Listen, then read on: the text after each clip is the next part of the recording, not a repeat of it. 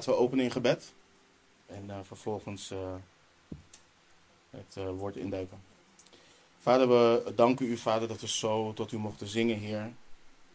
We danken u voor uw, voor uw genade en voor uw goedheid.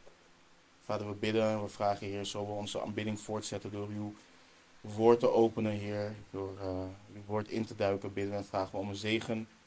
Bidden, Heer, dat u mij helpt met de verkondiging. Met verkondiging. We bidden, Heer, dat u ons allen helpt met het ontvangen, met het luisteren. Het ontvangen in zachtmoedigheid.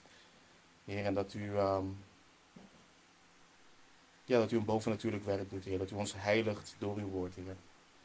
Dat u ons sterkt, dat u de huwelijken sterkt, dat u de huizen sterkt, Heer. En dat u doet wat u behaagt, Vader. We houden van u. We danken in Jezus' naam. Amen. Dit is, in, uh, dit is inmiddels onze zevende uh, studie in het thema huwelijk binnen onze serie Een Sterk Huis. Volgende week sluiten we hem af um, en staan we stil bij, bij de singles, bij de alleenstaanden. Dus hoe gaan we om met daten, hoe gaan we om met, met al die dingen, hoe, hoe kies je een partner en noem maar op. Dus daar gaan, we bij, daar, daar gaan we bij stilstaan volgende week. En daarna gaan we kijken naar, naar ouderschap en opvoeding. En dan beginnen we zo de Heere wilt en wij leven aan onze vers voor vers studie door de brief uh, 1 Petrus. Dus um, ik, uh, ik kijk er in ieder geval uh, ik kijk er naar uit. Vandaag hebben we als het ware een hele praktische studie. We gaan kijken naar communicatie in het huwelijk. Het is hier en daar al een paar keer voorbij gekomen met wat voorbeelden, maar vandaag gaan we daar echt inhoudelijk bij stilstaan. en voordat we dat gaan doen, wil ik kort samenvatten uh, waar we bij hebben stilgestaan de afgelopen weken. Het is goed om dit te doen, omdat vaak een studie heel bewust zo'n week blijft hangen. En daarna gaan we gewoon verder met het leven. Dus het is even goed om een recap te doen. Nou, we zijn in het thema huwelijk begonnen met een hoge kijk op het huwelijk. Daar hebben we twee zondagen bij stilgestaan. We hebben, uh, wat hebben we in die studies onderzocht en ontdekt? We hebben gezien, één, dat God de schepper van het huwelijk is. Daar hebben wij stilgestaan. We hebben stilgestaan bij het feit dat God de ontwerper van het huwelijk is. Zodat hij ook een blauwdruk heeft voor, voor het huwelijk. We hebben stilgestaan bij het feit dat het huwelijk een verbond is, een levenslang, levenslang verbond, waarin een man en vrouw één vlees worden. En we hebben gezien dat het huwelijk getuigt van iets groters, van de relatie van Christus en de gemeente. Vervolgens hebben we twee weken gekeken naar de vruchten van het evangelie in het huwelijk. En ik, ik vind het persoonlijk zo prachtig als, prachtig als ik kijk naar het evangelie en naar de kracht van God. Dan, zie ik, dan zien we in de schrift dat de Heere God niet stopt bij zaligmaking. In onze relatie met Hem door het geloof in Zijn Zoon werkt Hij door Zijn geest om ons te vormen, om ons te snoeien. Wie in Christus is, Christus die de ware wijnstok is en zijn vader de wijngaardenier, wat doet de Vader? Hij reinigt de ranken. Opdat zij meer vrucht dragen. En een persoonlijke, een intieme relatie met de Heer Jezus Christus, toewijding aan Hem, resulteert in het dragen van meer vrucht. Allen die uit God geboren zijn, die hebben de geest ontvangen, die hebben nieuw leven, nieuwe hartsverlangen. En dat uit zich in ieder aspect van iemands leven. Dus dit uit zich ook in het huwelijk. En het evangelie draagt ook vrucht in het huwelijk. Want wat, wat, wat zagen we vanuit Colossense 3? Nou, het evangelie brengt voort dat mensen zich bewust zijn van hun verleden, standvastig zijn in het heden en gericht zijn op wat er komt, op de hoop die er voor ons uit ligt, of die voor ons ligt. Het evangelie brengt mensen voort die gericht zijn op de dingen van boven. Niet de aardse en tijdelijke dingen, maar de eeuwige dingen, de onvergankelijke dingen. En wat nog meer, het evangelie brengt mensen voor die actief bezig zijn met het afleggen van zonde in hun leven en het verlogenen van vleeselijke begeerten. We zagen ook dat het evangelie betrouwbare mensen voortbrengt. Ze liegen niet uh, tegen elkaar, ze spreken de waarheid tegen elkaar. Nou, wat zagen we nog meer? Paulus schreef: Kleed u zich dan als uitverkorenen van God, heiligen en geliefden. Met wat? Genade. En hoe komt dat tot uiting? Ontferming, vriendelijkheid, nederigheid, zachtmoedigheid, geduld. En we zagen nog een aantal cruciale dingen in Colossense. Drie, we zagen verdraagzaamheid, zagen vergeving, liefde, vrede en ook nog eens liefde voor Gods woord. Na twee diensten hebben we hiernaar gekeken. Vervolgens keken we naar hetgeen uh, de vrouw wordt opgeroepen om te doen. De vrouw dient haar eigen man onderdanig te zijn. Ze dient respect te hebben voor haar man, hem te eren, hem te bemoedigen, op te bouwen en de ruimte te geven um, die de Heere God hem, uh, de ruimte te geven om zijn rol op te nemen die de Heere God hem gegeven heeft. En vorige week hebben we gekeken naar de oproep aan de man, de roeping van de man, de roeping, ik herhaal het weer, de roeping van de man is geen hoofdschap, de roeping is geen leiderschap, de roeping van de man is geen heerschappij en dominantie. De positie van de man is hoofdschap, de positie van de man is leiderschap, maar de roeping van de man, de aansporing is om zijn vrouw op zelfopofferende wijze aanhoudend, onophoudelijk, onvoorwaardelijk lief te hebben. Dat is zijn roeping. Daartoe wordt hij opgeroepen. Dat is het gebod wat we zien in Efeze 5. Dat is het gebod wat we zien in Colossense 3. Dat is waartoe de man wordt opgeroepen.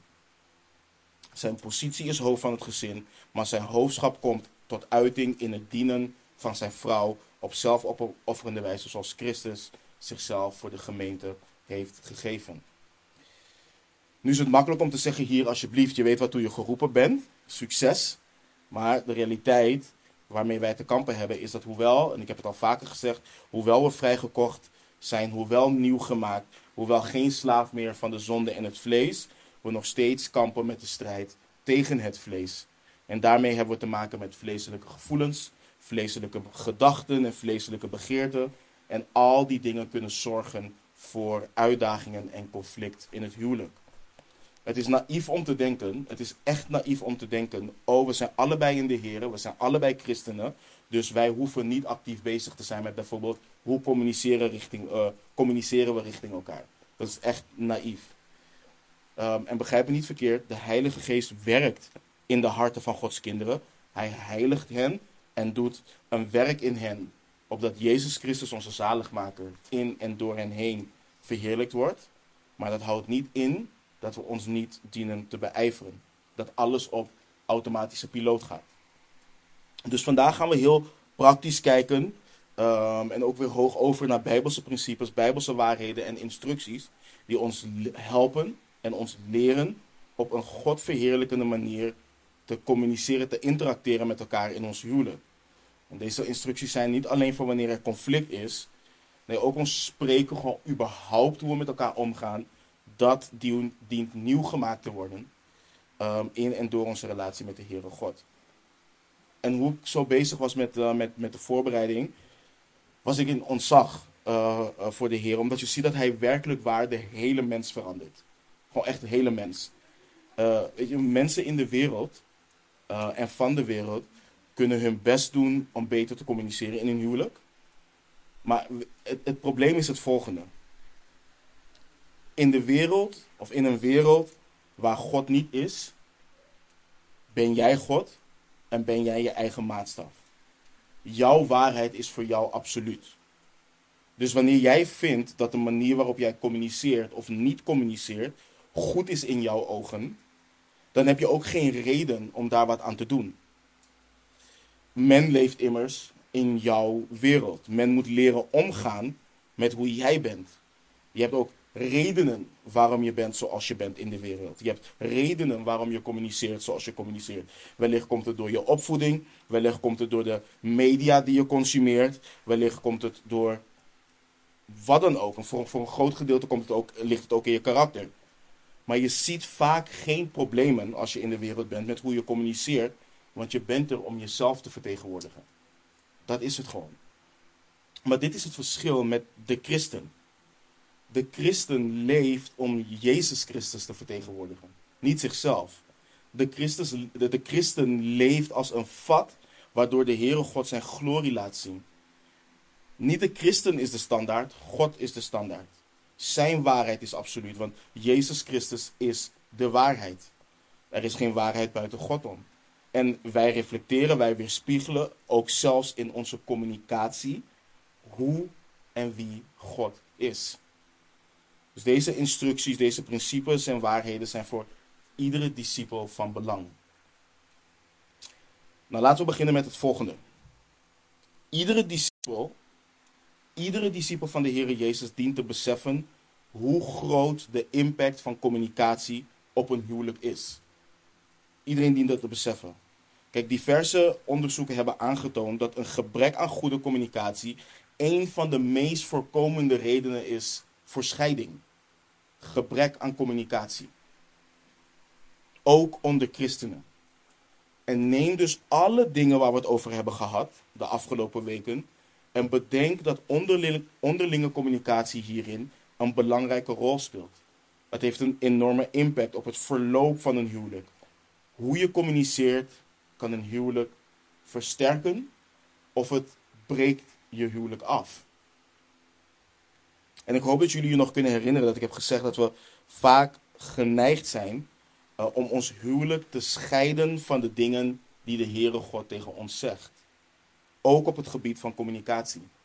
Ik heb beleidende christenen er vaker en langer over inzien zitten over hoe ze hebben gesproken tegen ongelovigen dan hoe ze hebben gesproken tegen hun eigen partner. Vaak worden deze dingen onder het tapijt geschoven, want we denken, ja, we willen dat die zo graag tot geloof komt, dus we moeten ons beste beentje voortzetten. Maar thuis, hij of zij gelooft al, dus het maakt niet zoveel uit. En dat zijn dingen die, waar we goed naar moeten kijken. Die dingen kunnen niet zo zijn. Dus vaak worden die dingen onder het tapijt geschoven.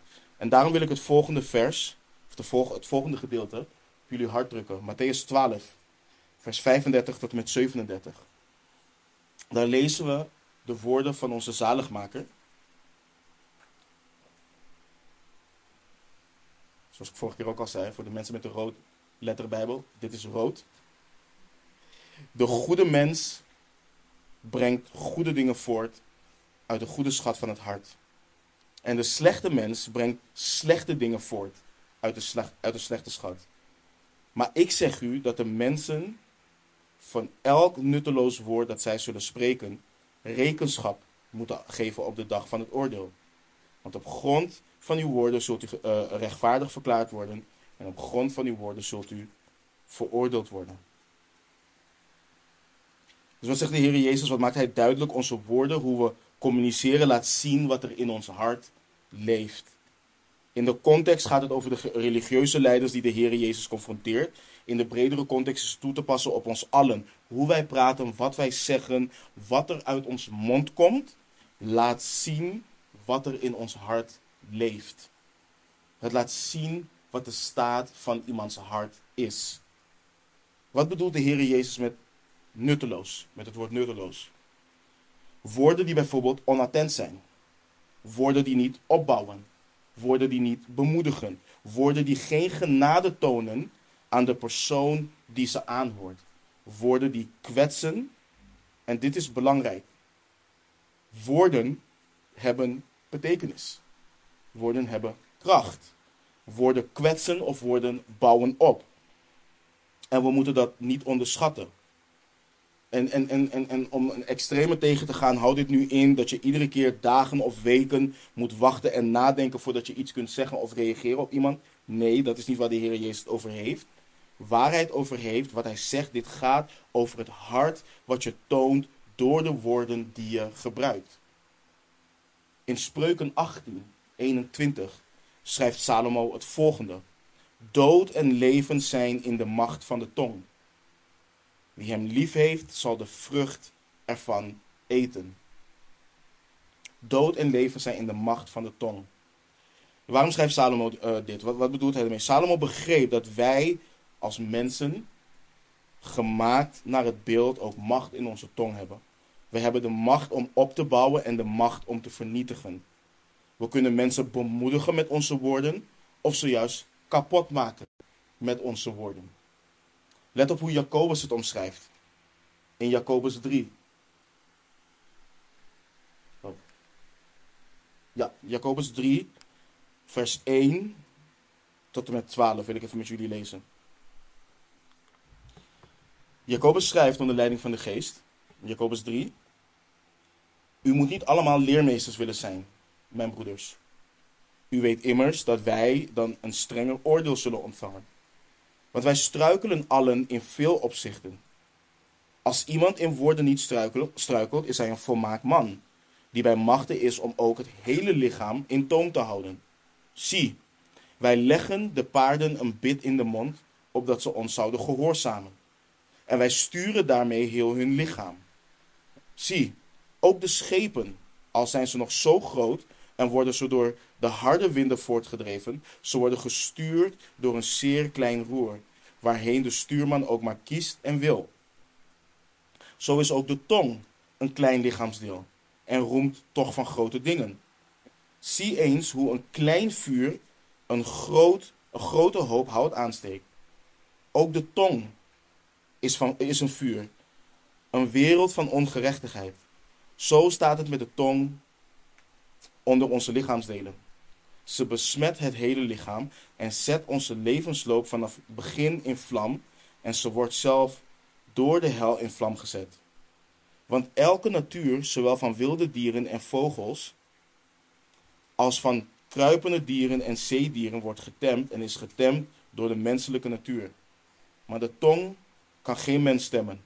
Ze is een niet te bedwingen kwaad, vol dodelijk vergif. Door haar loven wij God en de Vader, en door haar vervloeken wij de mensen die naar de gelijkenis van God gemaakt zijn. Uit dezelfde mond komen zegen en vervloeking voort. Dit hoort niet zo te zijn, mijn broeders. Laat soms een bron uit dezelfde uh, ader zoet en bitter water op, opwellen. Kan ook, mijn, kan ook, mijn broeders, een vijgenboom olijven voortbrengen of een wijnstok vijgen? Evenmin kan een bron zout en zoet water voortbrengen. Dus, dus, broeders en zusters, let op wat Jacobus schrijft. Let op wat hij schrijft. Zo'n klein onderdeel van ons lichaam. En toch zo machtig. En let op vers 9. Let goed op vers 9. Wij komen hier samen. we hebben net gezongen. We hebben onze God en zaligmaker bezongen. En dit is wat Jacobus duidelijk maakt. Met onze tong. Met onze tong. Loven wij God. En vervloeken wij de mensen. In dit geval onze partners. En let op wat Jacobus doet. Uit dezelfde mond komen zegen en vervloeking voort. En zegt hij: Dit behoort niet zo te zijn. Dit hoort niet zo te zijn. Kan ook mijn broeders een vijgenboom, olijven voortbrengen of een wijnstok, um, vijgen? Evenmin kan een bron zout en zoet water voortbrengen. Ik wil jullie in alle oprechtheid vragen. In alle oprechtheid. En dat jullie hierover nadenken. Op basis van wat Jacobus zegt. Je hebt een vijgenboom. Kan die vijgenboom olijven voortbrengen? Kan een wijnstok vijgen voortbrengen? Laten we dan het volgende beantwoorden. Kun je spreken van een christelijk huwelijk waar man en vrouw continu tegen elkaar tekeer gaan? Of waar de een structureel tekeer gaat tegen een ander? Kun je dan spreken van een christen? Kun je spreken van een discipel als wat uit de mond van iemand continu vervloeking, verdoeming, vernedering, toorn komt?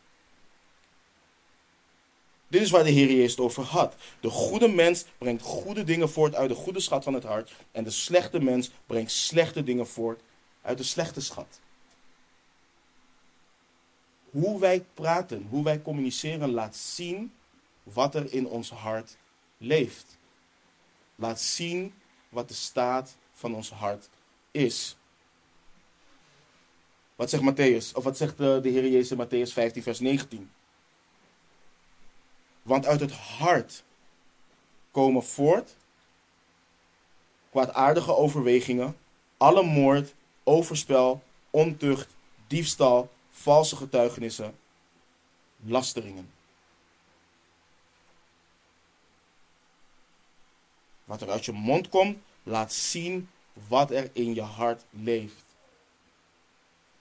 Daarom heb ik al eerder gezegd, toen we keken naar de vruchten van het evangelie in het huwelijk, dat dit niet simpelweg, dat we word boos, maar zondig niet, niet uit context moeten citeren. We moeten dat niet zomaar uit context citeren. Word boos, maar zondig niet, uitzicht niet in lasteringen van je partner. Het uitzicht niet in het uitstorten van je toorn over je partner. Het uitzicht niet in het vervloeken of het kwetsen van je partner met je woorden. Dus je hebt het ene, wat kenmerkt wat een discipel niet is. Maar dan is de vraag, wat zou onze communicatie wel, wel moeten kenmerken? Wat zou de communicatie in een christelijk huwelijk moeten kenmerken?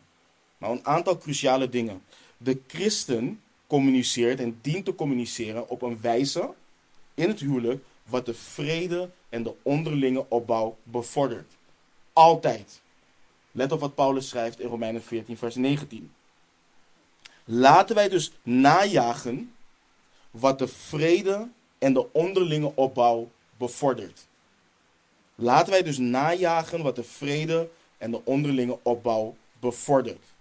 De specifieke context heeft te maken met eten, maar hij is breder toe te passen, ook in het huwelijk. Wij dienen in ons huwelijk na te jagen wat de vrede en de onderlinge opbouw bevordert. Dit leert ons dat we onze woorden zorgvuldig moeten kiezen. We moeten zorgvuldig onze woorden kiezen. Niet om te manipuleren, maar zorgvuldig en bewust omdat wat je wilt spreken de vrede en de onderlinge opbouw moet bevorderen. Ik heb christenen vaak horen zeggen: ja, ik spreek gewoon wat ik voel. Ik spreek gewoon wat ik denk. Ik ben gewoon een flap uit. En zeg, zeg het eh, recht voor zijn raap. Men denkt dat het iets nobels is, maar dat is het niet. Dat is het niet. Soms jaag je de vrede, vaak jaag je de vrede en onderlinge opbouw na door niet het laatste woord te hebben en gewoon stil te zijn. En ik bedoel daarmee niet zwijgen en je terugtrekken en niemand hoort meer van je. Dat, daar hebben we het niet over. Ik heb het over als je partner iets zegt of iets doet wat een situatie kan doen escaleren. Denk na, gaat wat, gaat wat ik nu uh, ga zeggen bijdragen aan de vrede en de onderlinge opbouw bevorderen? Delano en ik hebben het bijvoorbeeld heel vaak daarover. En ik zeg het ook heel vaak. Kijk, wij als discipelen van de Heer Jezus Christus. Wij zijn geen mensen die op automatische piloot en op gevoel varen. Wij dienen hele bewuste mensen te zijn. Wij dienen heel bewust na te denken over de dingen die we doen en over de dingen die we zeggen. We hebben daar twee zondagen bij stilgestaan uh, in Filippenzen over onze gedachten. Wij dienen daar heel bewust mee bezig te zijn. Dus wij kunnen niet mensen van het moment zijn. Oh, mijn partner zegt iets en ik ga maar los. Nee, we dienen in dat moment echt te vragen. Gaat wat ik nu ga zeggen? Zorg dit voor vrede. Zorg dit voor vrede en bouw dit de, of bevorder dit de onderlinge opbouw. Breng dit ons dichter bij elkaar. Brengt wat ik ga zeggen verzoening. Nee, zwijg dan. Zwijg dan, verloochen jezelf, praat er op een rustiger moment over. Vraag je partner op dat moment om samen te gaan bidden. Als je partner weigert en boos blijft, dan heb je te maken met iemand die niet alleen in het vlees is, maar ook graag in het vlees op dat moment even wil blijven. Ik heb nog nooit meegemaakt dat als je iemand vraagt, wil je bidden, dat die persoon zegt, nee, ik wil nu gewoon boos blijven. Dat is echt heel raar. Paulus schrijft in Efeze 4, 29. Laat er geen vuile taal uit uw mond komen, maar wel iets goeds, wat nuttig is tot opbouw, opdat het genade geeft aan hen die het horen. Let op wat Paulus schrijft. Geen vuile taal. Het woord vuil is in het Grieks wat hij daarmee bedoelt rot, verrot bedorven, nutteloos, onvruchtbaar, onbruikbaar, doelloos. Het woord werd veel gebruikt door boeren als er werd gesproken over verrot of bedorven groente, fruit en, en, en vlees. Hij zegt, laat er niets wat niet bruikbaar is uit je mond komen in je huwelijk, maar juist iets goeds. Laat uit je mond komen wat nuttig is wat goed is, wat tot opbouw is. En let op wat hij ook schrijft. Opdat het genade geeft aan hen die het horen. Gunst geeft. Onverdiende gunst. In je huwelijk dien je woorden van genade te spreken. Dat is wat je huwelijk opbouwt. Dat is wat je huwelijk sterkt. Vaak in conflict zie je en hoor je men tegen elkaar spreken vol minachting. Alsof de ander verachtelijk is. En laat het niet zo zijn tussen ons, broeders en zusters. Het past heiligen niet om zo te spreken. Denk bijvoorbeeld als we in Efeze 5 leren, Efeze 5, vers 3 en 4. Paulus schrijft: Maar ontucht en alle onreinheid of hebzucht, laten die onder u beslist niet genoemd worden, zoals het heiligen past. En evenmin oneerbaarheid, dwaze praat en lichtzinnige taal die onbehoorlijk zijn. Maar veel meer past dankzegging. Dwaze praat, lichtzinnige taal, het is onbehoorlijk. We moeten beseffen dat wanneer we zo communiceren, we in de geest bedroeven, ons huwelijk en onze partner ook afbreken. Woorden van genade sterken, ze verkwikken, ze verzoenen, ze brengen samen. Dat is wat we moeten willen. Dat is wat we moeten najagen met z'n allen. En dit geldt niet alleen voor verzoening, maar ook gewoon in het dagelijks leven in ons huwelijk. Als het goed is, als het goed is, ken je de zorgen, de angsten, de worstelingen van je partner. Als je ziet dat je partner zich echt beijvert om het vlees te verlogenen, om de wil van de Heer na te volgen, bemoedig ze daarin. Bevestig ze daarin. Maak kenbaar dat je het werk van de Heere God daarin ziet. Maak kenbaar dat je ze ziet groeien. En maak je niet druk, je verheerlijkt hen niet daarmee. God komt alle eer en glorie toe. Maar het bemoedigen, het opbouwen, het bevestigen wat de Heer aan het doen is, zijn woorden van genade. Kijk bijvoorbeeld hoe Paulus de gemeente bemoedigt. Romeinen 1, vers 8.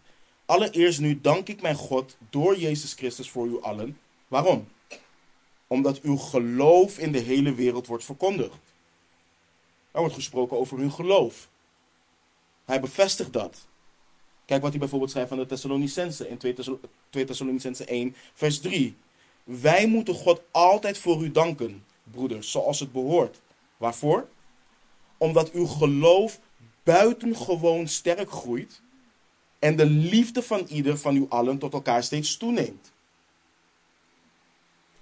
Er wordt over gesproken, hij, hij hoort het, hij bevestigt het. Hij bemoedigt hen. Maar als je de context van een huwelijk wil zien, we zien het ook in Spreuken 31. Spreuken 31, 28 over de deugdelijke vrouw. Daar staat, haar kinderen staan op en prijzen haar gelukkig. Ook haar echtgenoot roemt haar. De man van deze vrouw ziet wat ze doet. Hij ziet haar inspanningen. Hij ziet de godsvrucht in en bij zijn vrouw. En hij roemt haar. Hij prijst haar daarvoor. Sommige mensen hebben de houding, ja, maar hij of zij doet die dingen voor de Heer. Waarom zou ik hem of haar eren? Waarom zou ik hem of haar prijzen? Deze vrouw vreest de Heere God. En ze doet de dingen die ze, die ze doet, ongetwijfeld omdat ze de Heere God lief heeft. Maar niemand sterft door de ander waardering te geven. Geef elkaar gewoon, waardeer elkaar. Spreek het ook gewoon richting elkaar uit. We kapen de eer en glorie van de Heer niet door te bevestigen en iemand te bemoedigen wat de Heer in en door hen heen aan het doen is. Spreek woorden van opbouw. Spreek woorden van bemoediging. Let op wat Petrus schrijft in 1 Petrus 3, vers 10 tot en met 12. Want wie het leven wil liefhebben en goede dagen zien, die moet zijn tong weerhouden van het kwaad en zijn lippen van het spreken van bedrog. Die moet zich afkeren van het kwaad en het goede doen. Die moet vrede zoeken en die najagen. Want de ogen van de Heere rusten op de rechtvaardigen en zijn oren zijn gericht op hun gebed. Maar het aangezicht van de Heere is tegen hen die kwaad doen. Geen woorden van bedrog. Weerhoud je van het kwaad. Dus we zien hoe we daarin moeten communiceren. Nu is een ander ding, belangrijk. Is mij, veel mensen, laten we zeggen, heel veel mensen hebben moeite met dit. Goede communicatie begint met luisteren. Goede communicatie begint niet met praten. Begint met luisteren. Weten hoe je iets moet zeggen is een onderdeel van communicatie. Maar als je slecht of niet luistert, maakt het niet uit wat en hoe je het zegt. Want dan sla je toch de plank mis. Door actief te luisteren, toon je respect, toon je eer en liefde naar je partner. En communicatie loopt vaak mis wanneer één of beide echtgenoten proberen te praten voordat ze de tijd hebben genomen om de ander daadwerkelijk te begrijpen. En dit gebeurt vaak. Dit gebeurt heel vaak. En God heeft hier het een en ander over te zeggen. Spreuken 18, vers 13. De Heere God zegt: Wie antwoordt voordat hij, voordat hij geluisterd heeft, het is hem tot dwaasheid en schande.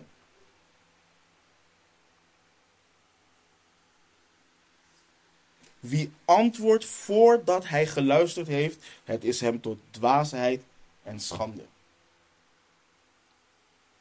En dit geldt in de bredere context van communicatie. Dit geldt in het voorzien van advies, maar ook in conflict. Vaak oordeelt iemand of reageert iemand al zonder het hele verhaal te hebben gehoord en begrepen. Spreuken 29, vers 20 zegt het volgende. Hebt u iemand gezien die overhaast is met zijn woorden? Voor een dwaas is er meer hoop dan voor hem. Hebt u iemand gezien die overhaast is met zijn woorden? Voor een dwaas is er meer hoop dan voor hem. Ken je dit? Wanneer je structureel naar je partner moet gaan en zeggen: Schat, het spijt me. Ik heb gesproken voordat ik moest spreken. Het spijt me. Ik dacht niet na en zei iets wat ik niet meende. En begrijp me niet verkeerd. Er is genade op dat, moment, eh, op dat soort momenten. Er dient genade te zijn op dat soort momenten. Maar we kunnen zoveel voorkomen. Door, niet, door simpelweg niet te overhaast te zijn met onze woorden. En we slaan wel eens de plank mis. Maar als je iemand bent die hierdoor gekenmerkt wordt, dan schrijft Salomo dat er meer hoop is voor een dwaas dan voor jou. We moeten leren luisteren. We moeten leren luisteren. We leren kinderen vaak toch af, geen ja maar. En wij hebben dezelfde ja maar houding zonder ja maar te hebben als volwassenen in onze communicatie. We luisteren gewoon heel slecht. Vooral ook in momenten van conflict. Wat leerde de Heer door Jacobus heen? Jacobus 1, vers 19 en 20. Zo dan, mijn geliefde broeders. Ieder mens moet haastig zijn om te horen, maar traag om te spreken en traag tot toorn. Waarom? De toorn van een man brengt immers geen gerechtigheid voor God teweeg. Dus nog een keer. Ieder mens moet haastig zijn om te horen. Maar traag om te spreken en traag tot toorn. De toorn van een man brengt immers geen gerechtigheid voor God teweeg. Wil je snel zijn? Wil je ergens haastig in zijn? Wees dan snel en haastig om te horen. Om te luisteren. Beijver jezelf om te luisteren. Train jezelf om te luisteren en om niet direct te spreken. Daarmee voorkom je uitspraken als ja, maar jij. Terwijl je partner, partner nog aan het woord is. Dat soort uitspraken zijn recepten om een situatie te escaleren. Het zorgt voor frustratie bij jouw partner, die wellicht ook, wellicht ook in het vlees gaat zitten. En voor je het weet ben je toornig op elkaar.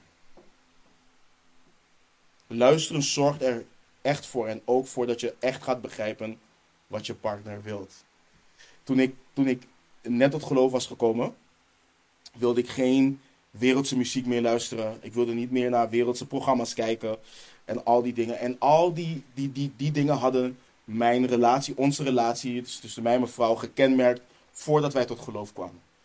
Uren in de bioscoop, uren muziek luisteren samen en al dat soort dingen. Kwam ik tot geloof, ik wilde die dingen niet meer. Mijn vrouw was nog niet tot geloof gekomen. Zij wilde film kijken, ik niet. Maar later kwam ik erachter dat het niet ging om die film per se. Ze wilde gewoon tijd met me doorbrengen. Als ik dat weet, als ik luister, kan ik anticiperen en kiezen om te doen waarin ik in haar behoefte tegemoet kom en ik niet struikel in mijn wandel als jong gelovige. Maar wat deed ik? Heilig dat ik dacht dat ik was. Ik werd net Johannes en Jacobus en liet vuur uit de hemel neerkomen. Door uit mijn plaat te gaan en haar te verwijten van haar wereldsgezindheid. Een preek te geven dat ze zich moest bekeren. Dat ze verloren was, et cetera, et cetera, et cetera. En dan voel je goed. Want hé, hey, je hebt de Heer niet verlogen, denk je. Je doet niet mee aan de wereldse dingen. En een bonuspunt, je hebt iemand nog eens verteld dat ze zich moeten bekeren. En wat wil je nog meer? Maar wat maakt Jacobus duidelijk? Wat leert hij onder leiding van de Heilige Geest? De toorn van een man brengt geen gerechtigheid voor God teweeg. Dit is wat we moeten leren. Luister, het maakt niet uit. Het maakt niet uit hoe waar het is wat je tegen je partner zegt. Hoe waar het is. Als je aan het schreeuwen bent. Als je toornig bent. Hoe fout je partner ook is. Als de liefde ontbreekt, dan maakt wat je zegt helemaal niets uit. Niets. Je kan je partner nog zeggen dat je partner zich moet bekeren. Je brengt geen gerechtigheid voor God teweeg. Dat is wat we moeten leren. Wanneer wij mensen, want dit is wat we moeten beseffen, wanneer wij mensen toornig zijn, dan handelen we vanuit ons vlees. Dan handelen we vanuit ons vlees. En de werken van ons vlees behagen God niet. Paulus schrijft het in Romeinen 8. Zij die in het vlees zijn, kunnen God niet behagen. Ze kunnen God niet behagen. Wanneer ik met mensen praat en zij me een situatie voorleggen en ze vertellen wat hun partner heeft gedaan, is 9 van de 10 keer mijn eerste vraag. Hoe reageerde jij? Hoe reageerde jij? Hoe heb jij gereageerd? Want we moeten leren dat hoe vaak onze partner ons ook teleurstelt, hoe vaak hij of zij hetzelfde doet, er is geen ruimte, er is geen excuus voor toorn. Het is er niet. Het is er niet. Is er ruimte voor terechtwijzing? Absoluut. Is er ruimte voor correctie? Absoluut. Op wat voor manier? Zoals Paulus ons dat leert in Galaten 6, vers 1. Broeders, ook als iemand onverhoeds tot enige overtreding komt, moet u die geestelijk bent, zo iemand weer terechtbrengen. Hoe, Paulus? In een geest van zachtmoedigheid. En wat zegt hij om nog meer te doen? Houd intussen uzelf in het oog, opdat ook u niet in verzoeking komt.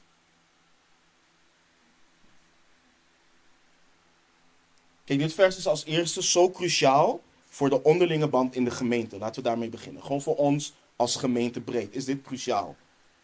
Maar het is ook zo essentieel in ons huwelijk. En we hebben het gehad over het woord zachtmoedigheid. Het is gecontroleerde kracht. Kracht in bedwang. Beheerst. Maar voor ons mensen, het is zo gemakkelijk om superieur te klinken. De houding aan te nemen dat wij net iets beter zijn. Je spreekt het niet uit, maar je houding laat het wel zien. Het geeft ons net dat ik ben iets heiliger. Maar God zegt, door Paulus heen, dat we anderen met zachtmoedigheid moeten benaderen. Met zachtmoedigheid moeten benaderen. Aangezien we onderhevig zijn aan dezelfde zwakheden als zij.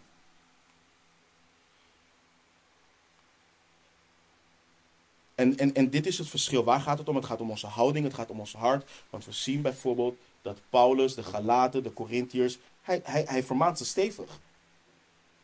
Maar als je de brieven leest, hij heeft liefde voor ze. Hij heeft liefde voor ze.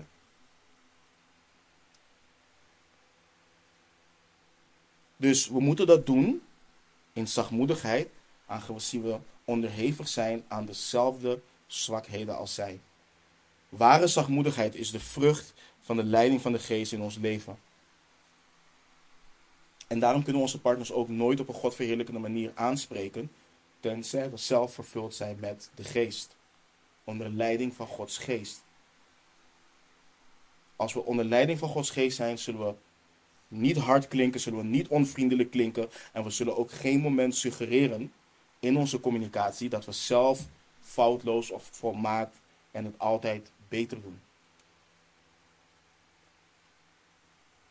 Maar nu, nu moeten we ergens voor waken, want wij kunnen mensen van extreme zijn.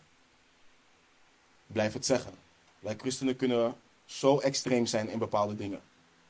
Een prachtig, een gelukkig huwelijk is mogelijk als beide partners weten van elkaar hoe de ander over de meeste situaties en problemen denkt waarmee ze beiden worden geconfronteerd. Wat bedoel ik daarmee?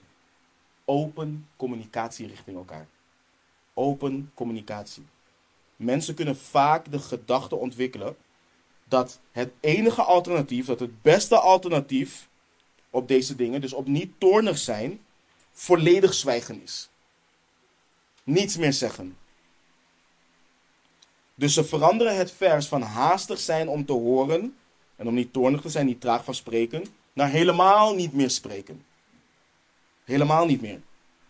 En we kunnen dan denken dat we een, een, een sticker verdienen als we in ijskoude stilte onze partners negeren of zwijgen in het mom om niet, onder het mom om niet toornig te worden. Maar dat is niet wat Jacobus ons leert. Jacobus zegt niet, spreek niet. Dat is niet wat hij zegt. Dus het alternatief is niet, ik zeg niets meer. Dat is niet het alternatief. Het alternatief zien we in de volgende dingen. Ik heb de vers niet op het scherm, maar jullie kunnen ze in jullie Bijbel checken. Efeze 4, 15. Dat is één, om ons in liefde aan de waarheid te houden. Ons in liefde aan de waarheid houden. Efeze 4, 15. En het tweede, is Efeze 4, 25. Leg daarom de leugen af en spreek de waarheid. Ieder tegen zijn naaste, wij zijn immers leden van elkaar. Dus Efeze 4, 15, ons in liefde aan de waarheid houden. Efeze 4, 25, spreek de waarheid, ieder tegen zijn naaste, wij zijn leden van elkaar. Het alternatief op ijskoud zwijgen is om de waarheid in zelfopofferende liefde te spreken. Om te spreken op een wijze wat niet jouw comfort zoekt, wat niet jouw gelijk zoekt, maar wat het hoogste goed van je partner zoekt. En hier komt zelfverloochening kijken, want als jouw partner iets doet wat jij niet fijn vindt, in je vlees is het moeilijk om te gaan zoeken wat is nu goed voor de persoon die nu boos is op mij. Of wat is nu het beste voor de persoon die nu iets doet wat ik niet fijn vind, wat mij boos maakt. Dat is moeilijk. Maar we moeten ons in liefde aan de waarheid houden. En we moeten de waarheid spreken. En het principe is breder toepasbaar. We moeten niet alleen denken in conflict, ook gewoon wanneer je partner iets ziet doen waarvan je denkt, schat, luister, dit is niet handig. Ga dan niet lang niet zeggen om vervolgens een dag te ontploffen. Doe dat niet. Communiceer, spreek de waarheid in liefde. Wees open en eerlijk tegen elkaar. En er is ook nog een ander belangrijk principe hierin, wat de andere kant op werkt, wat wij niet moeten doen in ons huwelijk. Ga er nooit van uit dat je partner je gedachten kan lezen. Als iets je dwars zit, communiceer het. Heb niet de houding van ja, maar hij of zij moet weten, want we zijn al twintig jaar samen en je moet inmiddels wel weten wat me dwars zit. Nee. Wij kunnen niet de gedachten van elkaar lezen. God is de kenner van harten, niet wij als mensen. Dus dat leert ons, wij moeten actief, open en eerlijk tegen elkaar communiceren. En ik zei het volgens mij vorige week ook al, of ik heb het eerder al gezegd. Wij moeten leren, één, om onszelf te beheersen. Wanneer we iets, wanneer we iets uitspreken wat we niet fijn vinden. Maar we moeten ook af van de gedachte dat iemand ergens op aanspreken altijd leidt tot conflict. Daar moeten we van af. Want dan ga jij jezelf ergeren. Dan ga jij op eierschellen lopen. En dan komt die ene dag waar je gewoon totaal niet meer kan. En dan komt alles eruit. En dan kijkt je partner je aan van, maar wat, wat heb ik gedaan? Iemand stuurde me laatst een, uh, een filmpje. Dat ging dan over mannen, het is een beetje generaliseren. Achter iedere boze vrouw loopt een man die niet weet wat hij verkeerd heeft gedaan. Dat is een beetje het principe. En dat geldt niet alleen voor de vrouw of naar de man, maar anders ook. Gewoon communiceer met elkaar. Praat tegen elkaar. In een godverheerlijkend huwelijk heb je openheid en eerlijkheid over angsten, over verlangens, over motivaties, over seksuele gemeenschap, over financiën, over je zwakheden, over fouten, over misverstanden. Je praat daar eerlijk over. Veel huwelijksproblemen zouden gewoon simpelweg opgelost kunnen worden als de man en vrouw gewoon open en eerlijk waren tegen elkaar. Gewoon open en eerlijk.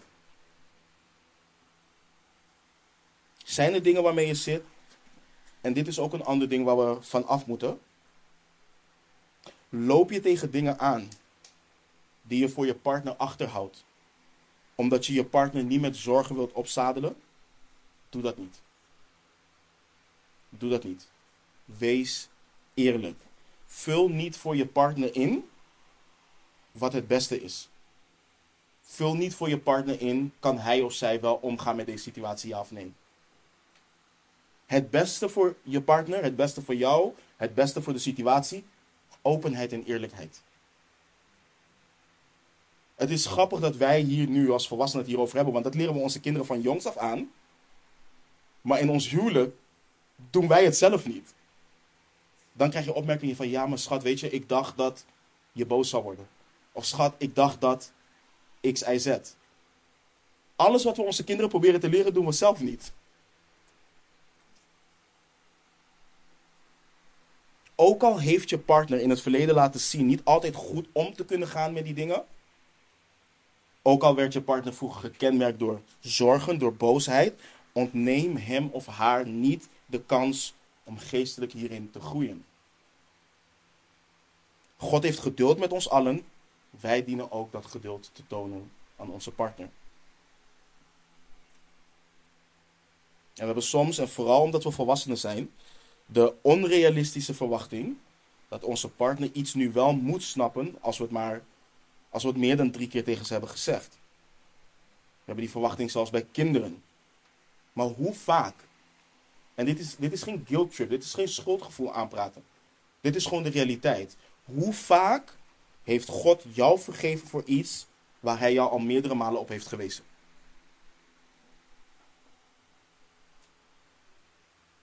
Hoe vaak ren je niet naar het kruis voor genade? Voor iets wat je al meerdere malen hebt gedaan. Meerdere malen op bent gewezen.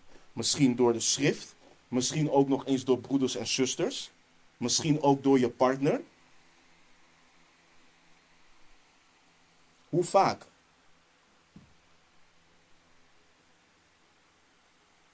Soms kan het jaren duren en soms willen mensen dat niet horen. Mensen willen dat niet horen. Men heeft de houding dan van nee, maar hij of zij is toch wedergeboren.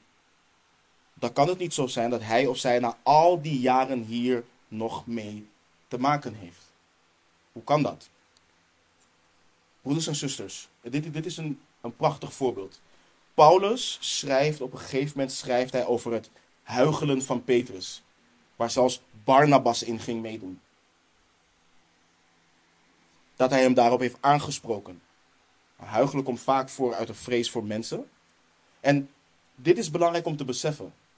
Er zaten niet twee weken tussen de verloochening van Petrus van de Heere Jezus en de huicheling waar Petrus hem op aan heeft gesproken, Paulus hem op aan heeft gesproken. Daar zaten geen twee weken tussen. Daar zat een hele lange tijd tussen.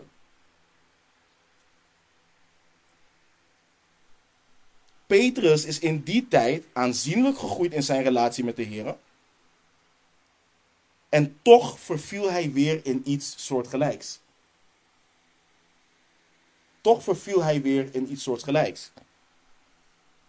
Maar in liefde wees Paulus hem terecht. En zo dienen we dat ook te doen met onze partner. We dienen niet de houding te hebben, maar weer doe je dit. Het komt zelfs vaak, het komt zelfs voor dat mensen gewoon worstelen met een karaktertrek en dat de partner dan gaan twijf, gaat twijfelen, is hij of zij wel wedergeboren of niet? Dit kan toch niet zo lang duren? Dit kan toch niet twee jaar, drie jaar, vier, vijf jaar duren? Maar we zien het bij Petrus. Gaan we dan nu zeggen, ja maar Petrus was niet wedergeboren? Nee, dat doen we niet.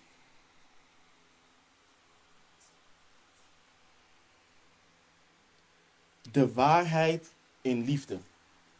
De waarheid in liefde. De waarheid in liefde weerhoudt ons ervan om in onze communicatie generaliserend te spreken. Het verhindert ons van woorden, wat ik net al zei, zoals altijd. Het verhindert ons van, uh, uh, um, van woorden te gebruiken zoals nooit. We kennen deze zinnen. Je luistert nooit naar me. Altijd doe je dit. Daar. Je onderbreekt me altijd. Nooit help je. En weet je wat we moeten beseffen? Dergelijke generaliserende opmerkingen zijn zelden waar. Ze zijn zelden waar. Wat op dat moment spreekt is geen liefde, maar wrok en verbittering. Dat is wat spreekt op dat moment. Wrok en verbittering. Frustratie.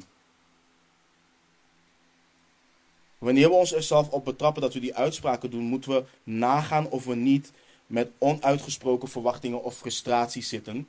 En daar na de wijsheid van de heren en broeders en zusters in hebben gezocht, daar open en eerlijk en genadig over praten met onze partners. Maar nu is de vraag, hoe komt dit nu allemaal samen?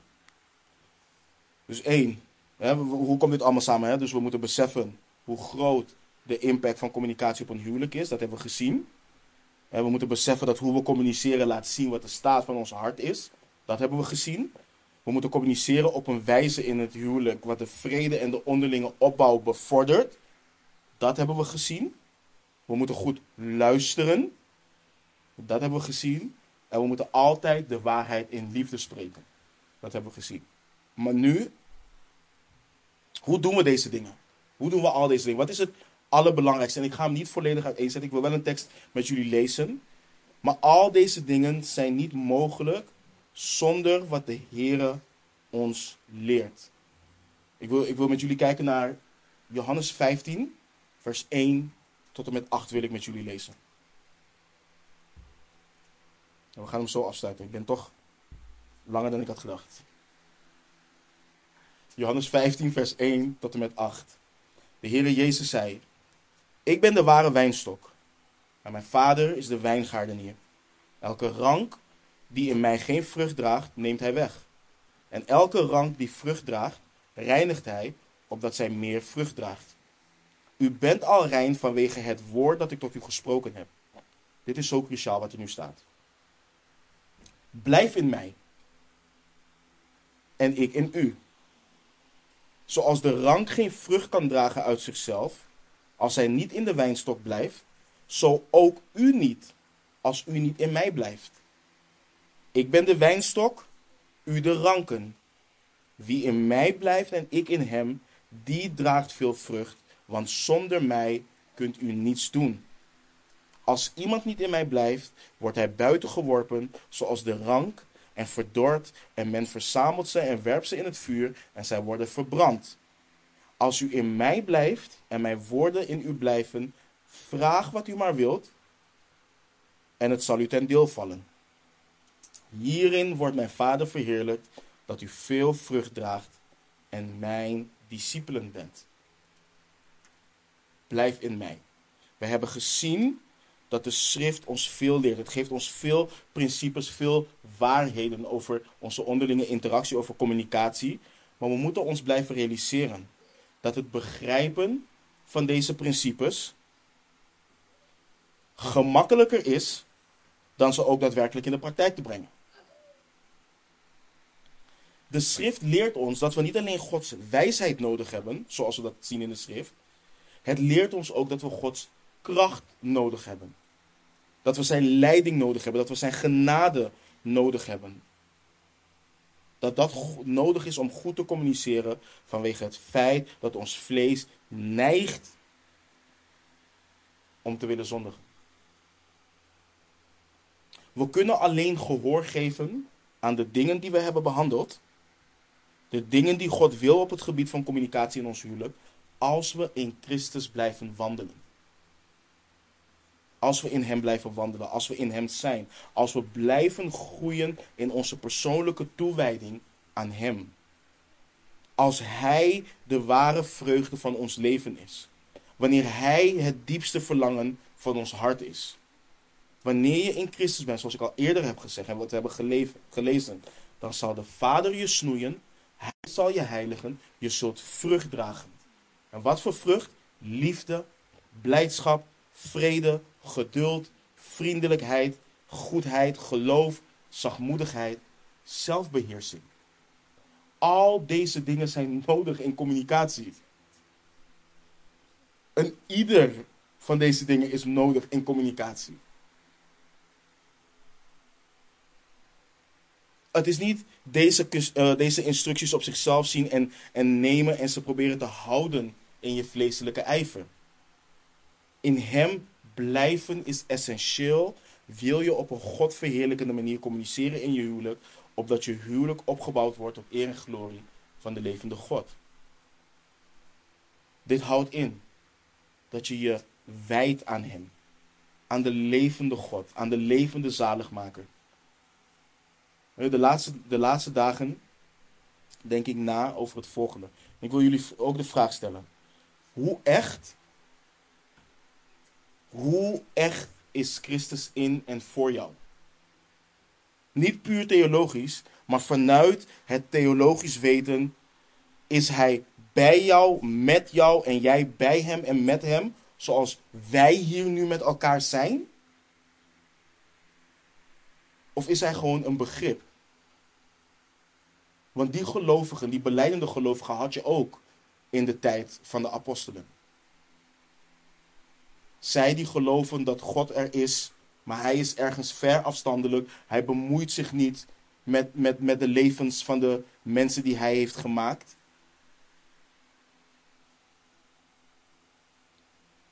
Is hij er wel, is hij, maar is hij er toch op afstand? Want je ziet hem immers niet. Nee, wat wij moeten beseffen is dit. Wanneer wij bidden door de geest in de naam van de Zoon tot de Vader, dan hebben wij echt gemeenschap met God. Hij is er echt. Hij is er echt. Daarom zegt Christus ook: blijf in mij, blijf in Hem. Want door in Hem te blijven realiseer je je hoeveel genade je nodig hebt om te communiceren op een manier wat de Heere God verheerlijkt en je partner in je huwelijk opbouwt. Hoe meer je in Hem blijft, hoe meer je inziet en beseft dat je afhankelijk van Hem bent en dat je Hem nodig hebt. Voor alles. Voor alles. Door in Hem te blijven, realiseer je je dat je zonder Hem alles kapot maakt wat Hij je gegeven heeft. Zonder Hem.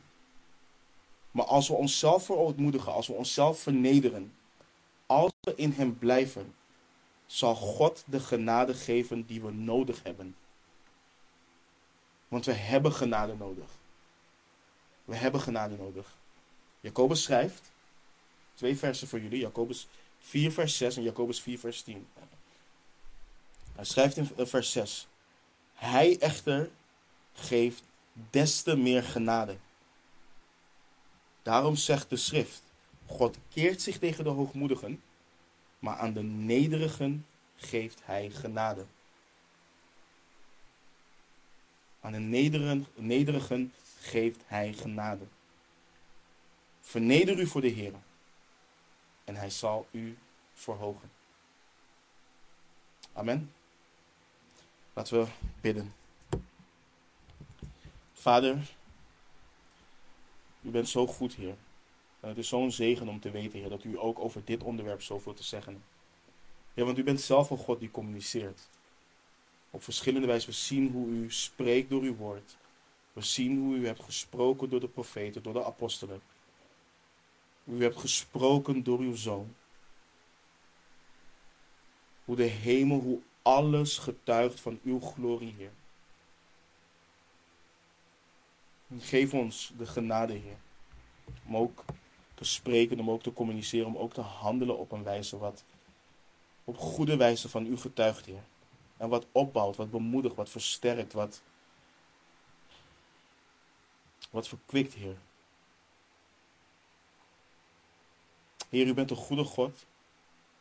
We danken u, we loven u, we bidden, Heer, dat u de huwelijken opbouwt. Dat u hen sterkt die nog niet getrouwd zijn. Dat wanneer ze zullen trouwen, Heer, dat ze onder uw leiding dingen kunnen doen, Heer, die u verheerlijken. En die het huwelijk opbouwt en uw partner ook opbouwt. We houden van u, we danken u en bidden in de naam van Jezus Christus onze Heer. Amen.